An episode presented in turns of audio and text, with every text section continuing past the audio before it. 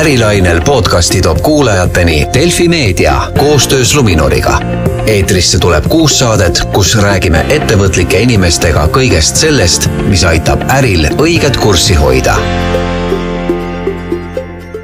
tere kuulama Luminori podcasti Ärilainel olukord maailmas ja sellega seonduvalt loomulikult ka Eestis on jätkuvalt pingeline ja mingeid liiga häid uudiseid me ka ettevõtluse asjus just ei kuule, kui muidugi Eesti Energia ja mõned küttepuudega äritsejad välja arvata. järjest on tulnud uudiseid sellest, kuidas meie suurtootjad koondavad ja tegevust kokku tõmbavad ja räägitakse lausa ka tegevuse täielikust lõpetamisest. aga meie oma tänases saates keskendume eelkõige väike- ja keskmise suurusega ettevõtetele ja uurime, kuidas on keeruline majandusolukord mõjutanud nende laenuvõimekust sest et lisaks pöörastele energiahindadele on ju ka see nende jaoks kindlasti üks äärmiselt olulistest teemadest.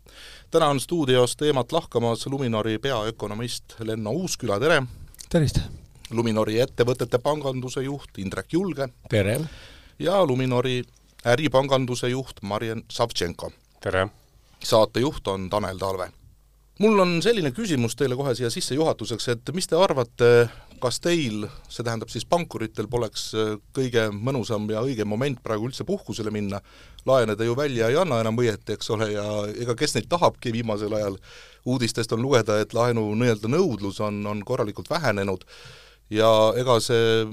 ütleme siis meeleolu meie ettevõtluskeskkonnas on samasugune nagu tänane ilm umbes, väga hall ja vihmane ja tuuline ja ja selline vastik, et äkki on mõnus aeg minna puhkusele, mis te arvate? no kui sa nii küsid poolnaljaga, ma siis vastan ka poolnaljaga, et laene välja anda on lihtne. just sellistel aegadel tuleb palju tööd teha, et nad tagasi ka makstaks aga tegelikult õnneks asi nii hull ei ole, et, et me tahame oma klientidega koos olla nii äh, väga headel kui ka natuke keerulisematel aegadel ja ja, ja nendele siis tuge pakkuda panga poolt äh, selles osas, mida me teha saame. et äh, ja ei saa ka öelda, et laenunõudlus nüüd täitsa ära oleks kadunud et endiselt äh, projekte uusi ette võetakse, tõsi, äh, kaalutletakse võib-olla põhjalikumalt läbi, kas need investeeringud nüüd tänases majanduskeskkonnas on just õige aeg teha. aga tihtipeale ikkagi investeeringute pikaajaline mõte on ikkagi ju kulusid kokku hoida, mitte vastupidi. ja, ja kui me näeme täna sellist äh, päris raju inflatsioonilist keskkonda, siis teada on ju see, et see varem või hiljem toob äh, kaasa ka märkimisväärse palgatõusu ja investeeringud tavaliselt on ikkagi ette nähtud selleks, et äh, tööjõukulusid siis vähendada ja, ja tegevust efektiivsemaks teha. noh, lisaks sellele loomulikult kõik energiatõhususe investeeringud ja ja, ja roheinvesteeringud, mis äh, täna on vajalikud, nii et äh, kindlasti ei ole see nüüd õige aeg minna puhkama ja uks kinni panna, vastupidi, tööd on järjest rohkem. noh, seda on hea kuulda. mis puudutab energiahindu, siis meie väikeettevõtjad on võrreldes äh, suurtega justkui eelisseisundis praegu, nagu ma aru saan, et noh, kas või see, et nemad saavad siis selle universaalteenusega liituda, nagu eraisikudki, aga noh, ega siin on ka, et kui börsihind on viimasel kuul olnud vaata et väiksemgi kui see universaalteenuse hind, see on nagu justkui nöö-, nöökimine või selline veider saatuse iroonia. et, et ikkagi mingisuguse kindlustunde ta ju annab, eks ole, et vähemalt aasta saab energiahindade osas mingisuguseid plaane teha, aga Lenno, kuidas teie vaates, ehk siis panganduse vaates praegu äh, nende väike- ja keskmise suurusega ettevõtete olukord on, millises majanduskeskkonnas nad täna peavad tegutsema ja mis, mis see lähitulevik võiks tuua? no eks see majanduskeskkonnaga on alati selline lugu, et kui vaadata neid konjunktuuriinstituudi graafikuid ka, siis äh, ikka muretsetakse päris palju et äh, seda olukorda, kus vaadatakse, et praegune olukord on enam-vähem, aga järgmise kuue kuu pärast hakkab ju halvaks minema, siis äh, seal nagu selles regioonis on neid punktikesi väga palju, neid äh, kohti, kus praegu on halb ja, ja läheb veel halvemaks, tegelikult on suhteliselt vähe. me oleme praegu just jõudnud sinna Konjunktuuriinstituudi mõttes, kus inimesed vaatavad, et see olukord ei ole hea ja väljavaade on murettekitav. sellises olukorras me oleme olnud väga harva ajaloos ja selles mõttes on see väga eriline, et sellest me tuleme ka suhteliselt kiiresti välja. et, et loomulikult iga päev, kui üles ärkad, siis on mure suur, aga noh, kindel on see, et, et sealt alati tullakse välja, isegi kaks tuhat kaheksa-üheksa kestis see periood aasta, aga ülejäänud ajal praktiliselt seda ei ole olnud, et see kindlustunne on see, mis on praegu kõvasti kahjustada saanud ja universaalteenus on pakkunud just seda kindlust Äh, väikestele keskmistele ettevõtetele, nad teavad, milliseks see energiaarve võib neil kujuneda. ja see aitab siis ka paremini plaane teha. vaadates suuri, siis nemad on nii suured, nad suudavad kindlustada ennast. ja see ongi ja lastes nüüd... pooled töötajad lahti, jah? osaliselt on vaja ka vaadata, et milliseks ettevõte kujuneb pärast seda, kui see kriis läbi on, tõesti need energiamahukad ettevõtted võib-olla ei saagi jätkata uute energiahindade juures.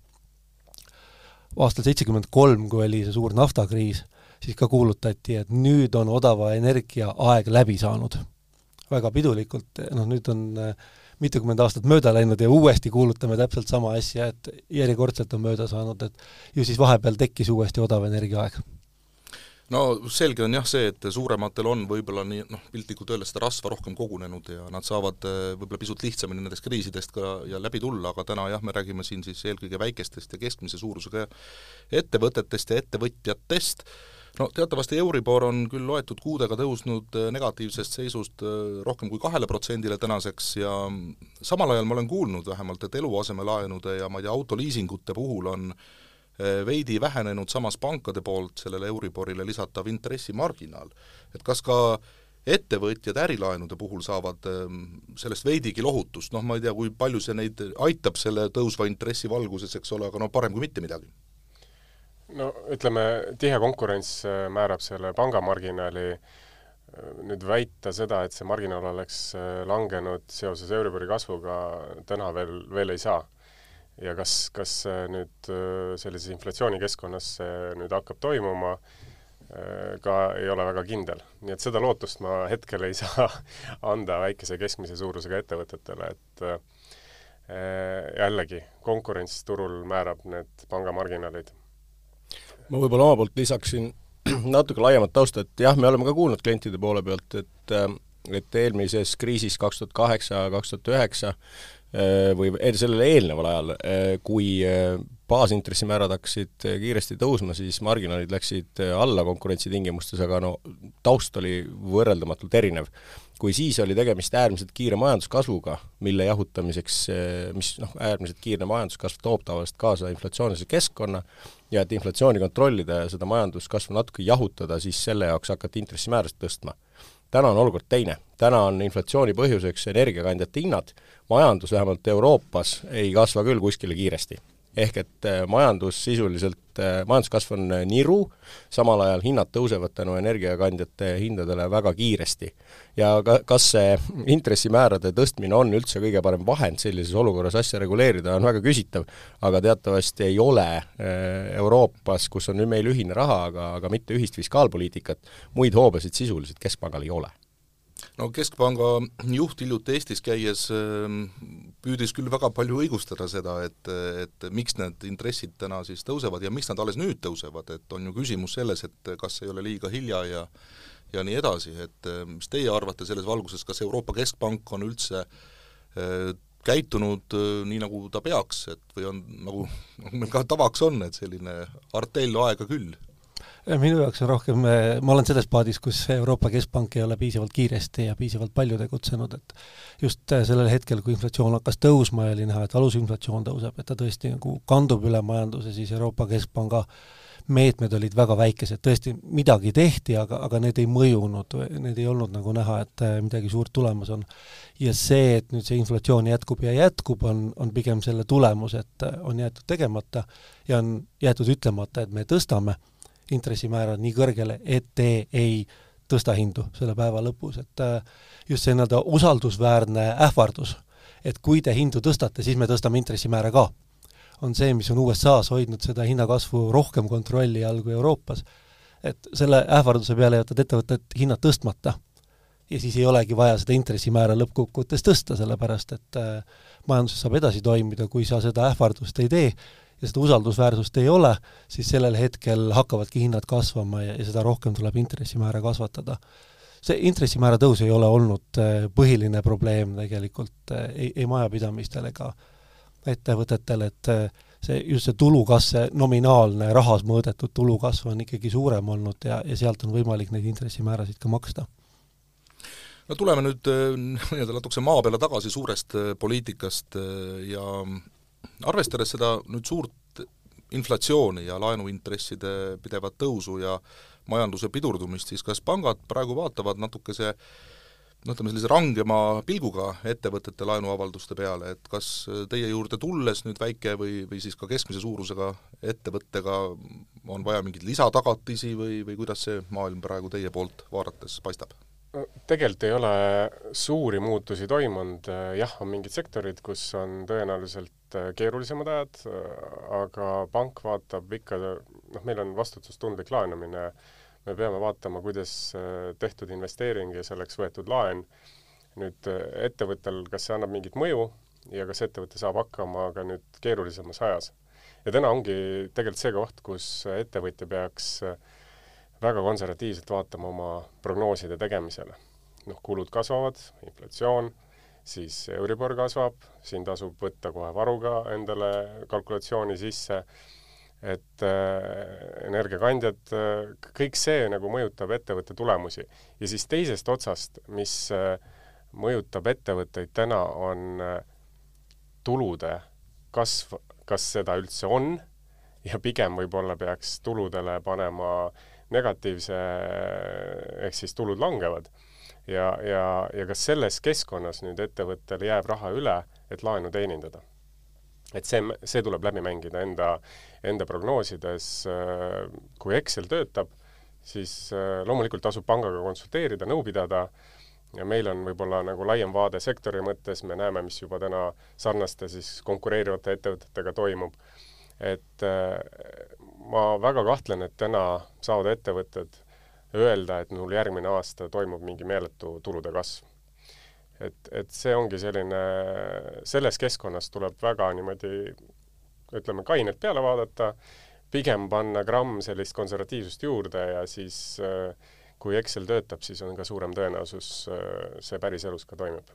ja selle taustal tuleb öelda, et ettevõtted teenivad suuremaid kasumeid kui kunagi varem ja, ja väga paljudel ettevõtetel läheb hästi. Ja, ja keskkond on natukene selline, kus kõik räägivad muredest, siis ettevõtted ei tule rääkima oma rõõmudest ilmselgelt, et äh, sa ei saa äh, teatada, et äh, mul on jälle ju väga hästi läinud, et aga, aga noh, teate kas tõesti teil ei ole ühtegi klienti tulnud, kes ütleb, et teate, mehed, mul läheb jube hästi? et klient... ainult tullakse muredega tõesti või? ei no kliendid tõenäoliselt tulevad laenu so-, saama ja siis järelikult ei ole oma kapitali või oma finantseeringut olemas ja selles mõttes on see mure, et sul on idee, mida sa tahad teha, aga sul ei ole vahendeid selle jaoks ja siis on pank see, kes on äh, hoiustajate kaasabil ja, ja rahaturgude kaasabil tegelikult annab selle võimaluse investeeringut teha. et ettevõtete olukord ei ole nii halb olnud eh,, nagu võib-olla püütakse näidata, et on tõesti väga spetsiifilised sektorid, mis on tõesti kannatanud, on puidutööstus, on mööblitööstus, kes äh, näevad, et neil tellimusi ei ole järgmisel poolel aastal. samas on teised äh, valdkonnad, mis äh, toimivad väga hästi, kui sa räägid keskkonna arengust, kui sa räägid äh, terviseteenustest suures plaanis, siis nendel ettevõtetel läheb endiselt päris hästi ja ei ole veel seda, et meil üldse ei ole võimalust midagi toimetada. no eks see vist tõesti sõltub ka sektorist, et kus ettevõte tegutseb, et noh, siin on ju palju räägitud just nimelt nende tööstusettevõtete, energiamahukate tööstuste keerulisest olukorrast ja ka ma ei tea, põllumeeste toetuste suurendamise vajalikkusest, aga noh, näiteks tuleb meelde tuletada, et üks meie majanduse suurimaid eksportööre, turism, on ju ka väga raskes seisus tegelikult ja ega seal ka noh, neid väikeseid ja keskmise suurusega ettevõtteid on just eriti rohkelt, et et kas Luminori vaates käsitlete te ka ettevõtjaid kuidagi nende tegutsemisvaldkondade kaupa erinevalt või vaatate teistmoodi neid? no ikka jah, erinevalt, et on ju erinevad majandussektorid, millel on erinevad riskid ja, ja erinev, erinev sõltuvus ka majanduse tsüklilisusest näiteks. ja tõesti, turismi poole pealt eriti mõned ettevõtted on küll väga noh, kahetsusväärselt mitme erineva järjestikuse kriisi hambusse jäänud, et noh, kõigepealt oli koroonakriis, eks ole, siis tuli nüüd energiakriis ja noh, kui sa võtad näiteks spaad, eks, et noh, suur osa oli välisturistidel ja, ja noh, nüüd ühe spa basseine kõiki soojana hoida tänastes energiahindades, no loomulikult väga keeruline. eks seda nüüd aeg näitab, kuidas siis äh, kliendid vastu võtavad selle uue hinnastamise, mis siis tänastele energiahindadele vastab aga noh, ma tahaks võib-olla juhtida tähelepanu ühele veel niisugusele fundamentaalsele näitajale, mis ei ole üldse halb Eestis, et on tööpuudus. et tavaliselt noh, peamine põhjus, miks riigid peavad erinevate siis meetmete kaudu majandusse sekkuma, turumajanduslikud riigid siis, on see, et vältida niisugust suurt tööpuuduse kasvu ja seetõttu inimeste hakkamasaamist, siis noh, Eestis, kes on viimasel ajal üritanud töötajaid endale otsida, siis no tikutulega taga, et põhimõtteliselt sisuliselt kõik inimesed, kes on üldse soovivad tööturul osaleda, nendel on töö. et, et kedagi tööle võtta, sa pead kellegi kuskilt ära meelitama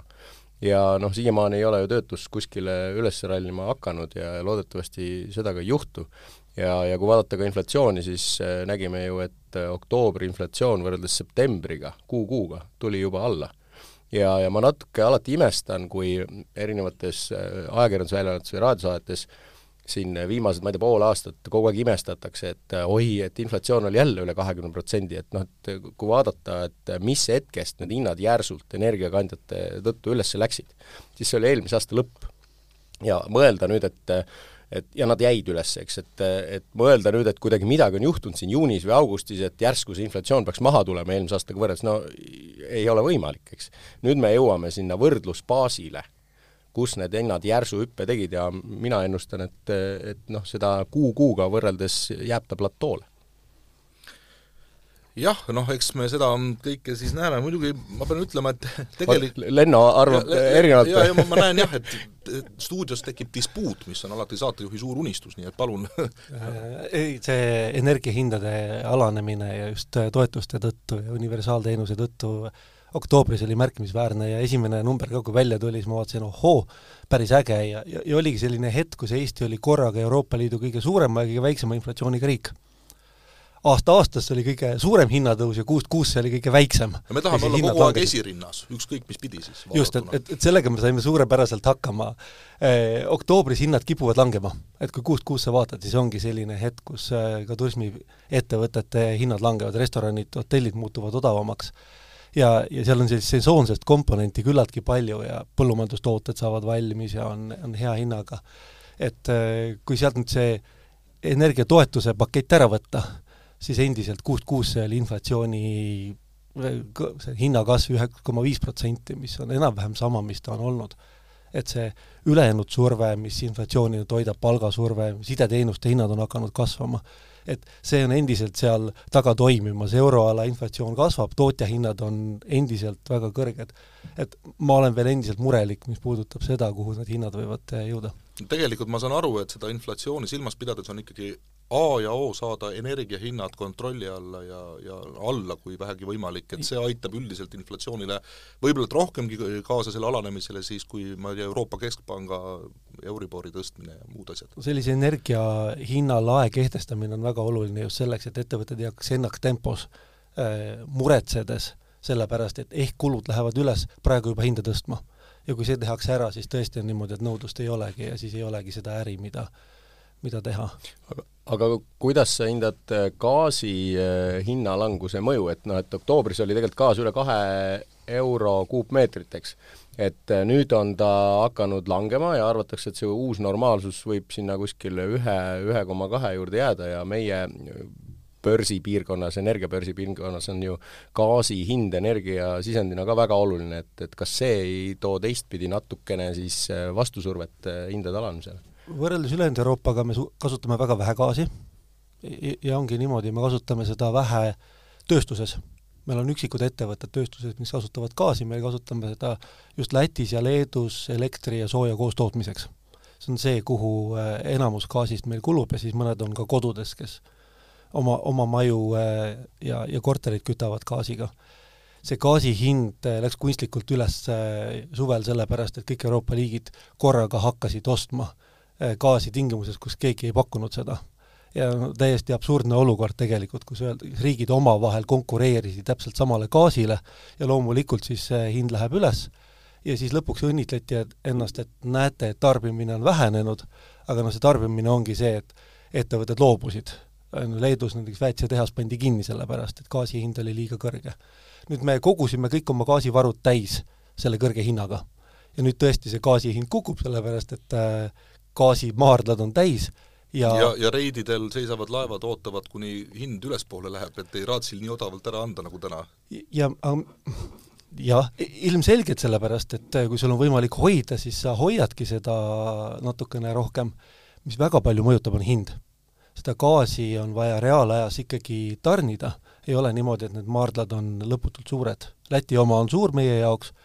Euroopas tihtipeale jagub sellest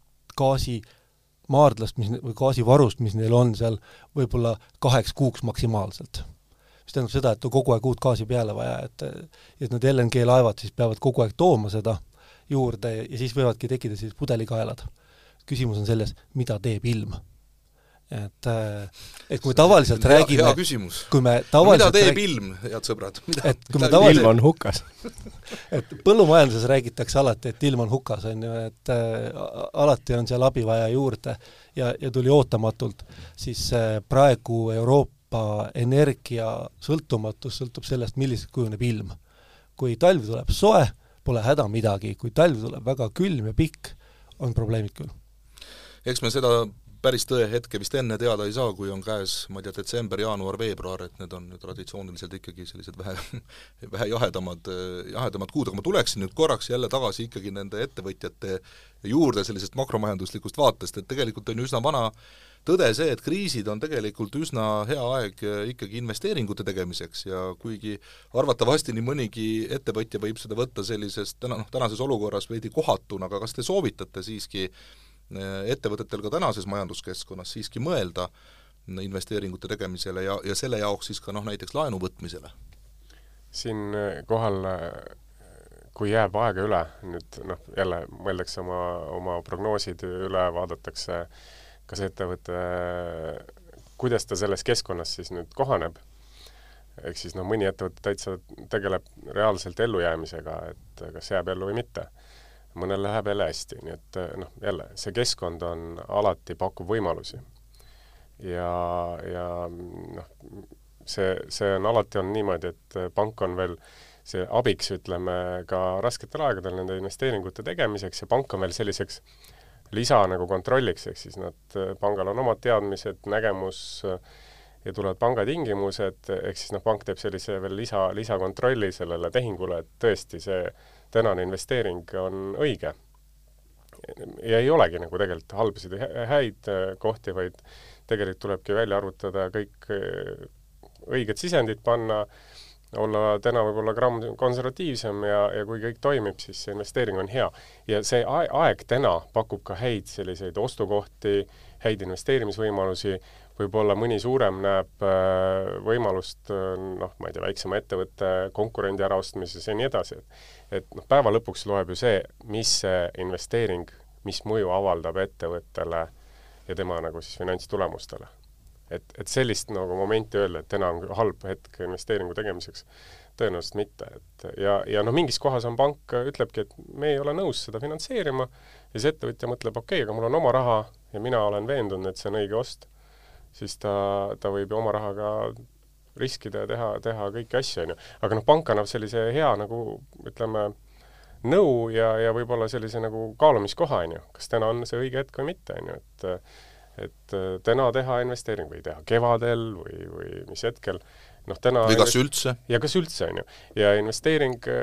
jälle, noh energiasse, me räägime siin energiast kogu aeg, no see teema on aktuaalne, me ütlesime, et kas mõni ettevõtja räägib, et tal läheb hästi, no need, kes on täna päiksepargid valmis teinud ja noh, see, mis nad suvel sellest päikeseenergiast said, no neil on nagu patt kurta, et neil läks nagu halvasti, et, et see see noh, nemad vaatavad oma numbreid ja ütlevad, et see oli õige otsus kunagi teha neid asju, et ja nad pigem vaatavad tulevikku, et nad teevad juurde neid parke, nii et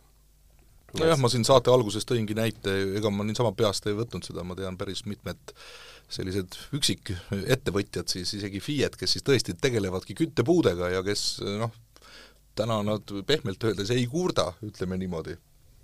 täpselt ja, ja seda, seda tasubki, et tuleb vaadata nagu neid investeerimiskohti tuleb, et ja mingis kohas tulebki võib-olla natukene pausi teha, et hetkel ei ole õige hetk, aga vaatame mingi aja pärast, aga tuleb jälle, jälle ette valmistuda, teha kõik arvutused, plaan valmis, ma tahan seda teha ja nüüd ma nagu siis ajastan seda õigel momendil et äh, samamoodi noh, Covidi kriis näitas äh,, mingi hetk oli noh, majandus pandi kinni, noh, oli segadus. siis tulid toetused äh,, selgus, et see ei olegi nii hull asi, majandus pandi käima, see läks täiesti teiste tuuridega. ja need ettevõtjad võitsid, kes tegid ettevalmistusi. sellel hetkel nad valmistusid, ahah, nüüd, kui asi nagu läheb natuke trend paremuse poole, ma teen selle investeeringu ja, ja need olid õiged otsused minu teada üks suur kinnisvaraettevõte siin äh, pani just ühe äh, Eesti hea hotelli, Tallinna hea hotelli remonti sel ajal, kui Covid tuli, sellepärast just, et noh, kuna kliente ei ole, siis on õige aeg teha.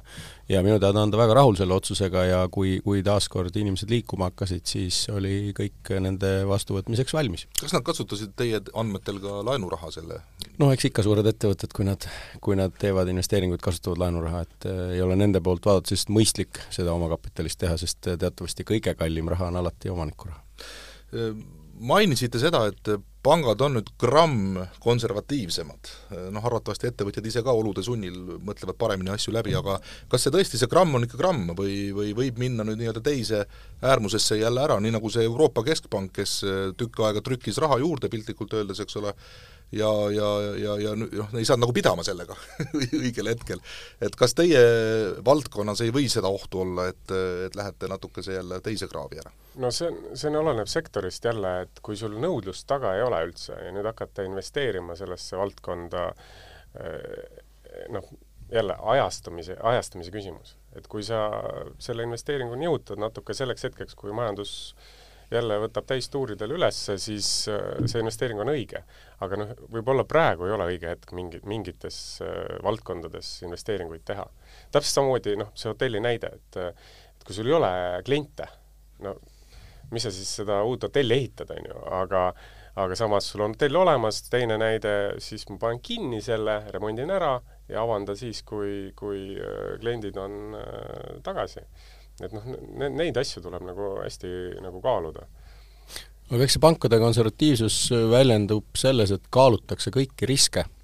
ja kui vaadata, et noh, mis need riskid siis on, eks ole, et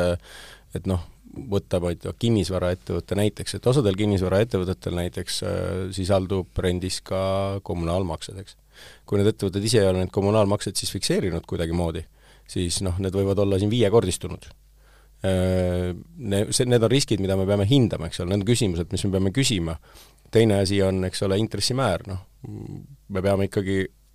arvutama läbi stsenaariumid, kus Euribor on, on veel kõrgem kui täna, ma ei tea, kolm, neli, ja, ja vaatama, mida teeb siis ettevõtte rahavoog sellistes tingimustes, kus intressimäär selliseks tõuseb. ka seal on tegelikult võimalik seda riski ära fikseerida ja intress, intressimäär fikseerida, eks ole, see baasintressimäär. lisaks siis kõikvõimalikud muud äh, Äh, kulud, äh, mille hinnatõusu me täna näeme, eks ole, me peame arvestama oma arvutustes äh, kõrgemate kuludega ja vaatama, et mis siis ettevõttest saab, täpselt samamoodi, eks ole, noh, kui nüüd ikkagi majandus mingil määral jahtub, mida me näeme, et kui suur on nõudlus, eks ole, et ma ei tea, kui me võtame mingisuguse ma ei tea, elektroonikakaupluse näiteks, Äh, kellel on läinud viimased aastad väga-väga hästi, eks ole, Covidi ajal inimesed ei reisinud, raha jäi palju alles, äh, kodutööd tehti palju, arvuteid oli vaja osta, nii edasi, nii edasi, pikalt on läinud väga hästi. kui nüüd võetakse arvesse järgneva, ma ei tea, kolme aasta prognoosis, et see käive sellisena jätkub, noh, siis on jälle pangal põhjust küsimusi esitada, et kas see ikka nii läheb ja võib-olla nüüd siis inimesed hakkavad natukene gaasi- ja elektriarvete maksmiseks püksirihma pingutama ja ei osta neid uusi televiisoreid nii hoogsalt, kui, kui võib-olla vahepeal. et, et panga selline konservatiivsus väljendub tegelikult selliste suhteliselt äh, realistlike stsenaariumite läbiarvutamises, mis siis äh, äh, näitab, kuidas ettevõte hakkama saab siis, kui asjad ei lähe nii hästi, kui nad võib-olla seni on läinud ma olen kuulnud, et äh, pangad tegelikult juba pikka aega on äh, arvutanudki oma riski äh, analüüsides siis selle mingi nelja-viieprotsendilise Euriboriga, et noh, igaks juhuks olla noh, pigem konservatiivsemad kui, kui muidu. eraisikute puhul on lausa, lausa nõue, et me peamegi läbi arvestama kõrgema Euribori, kui nad on nii pikad laenud, need on kahekümne, kahekümne viie, kolmekümne aastased laenud, et noh, sellisel ajal majandustsüklis loomulikult see, see intressimäär muutub pangad ütlevad, et äh, eraisikute puhul täna veel äh, ei ole tunda noh, nii-öelda neid hapuks läinud äh, ja, ja lootusetuid laene, aga kuidas ettevõtete osas teie vaates paistab, et on juba tulnud ka neid ettevõtjaid, kes on raskustes? no täna pigem on üllatavalt nagu hea maksekäitumine ja võib-olla rekordmadalad äh, ütleme, kõik äh, finantsasutused naudivad sellist äh, hetke. see tähendab seda, et oli väga hea aeg, väga korralikud puhvrid on tekkinud ja, ja täna nagu toimetavad kõik hästi ja noh, tõenäoliselt ka omavahel ei ole võlas äh, väga palju siis vähemalt me klientide pealt ei näe seda. siinkohal võiks kohe nagu soovitada seda, et et on võimalus ka oma siis debitoorsest võlga kindlustada, ehk siis krediidikindlustus on pankadel olemas, meie pakume Äh, väga hea võimalus vaadata, et noh, teades seda, et ma teen müüke, ma annan makse tähtaegasid, kes teab, äkki minu klientidel tekivad probleemid ja siis on minul tegelikult äh, rahad äh, kindlas kohas. Siiamaani on ju näha olnud ka seda, et hoiuste jääk pankades tervikuna on pidevalt kasvanud, minu teada nüüd on see kasv peatunud, mis, mis näitab seda, et on hakatud neid reserve vaikselt tarbima ja kui need reservid siis sõltuvalt, kui suured nad kellelgi on, otsa saavad, eks siis äh, võivad need probleemid tekkida. siin tahaks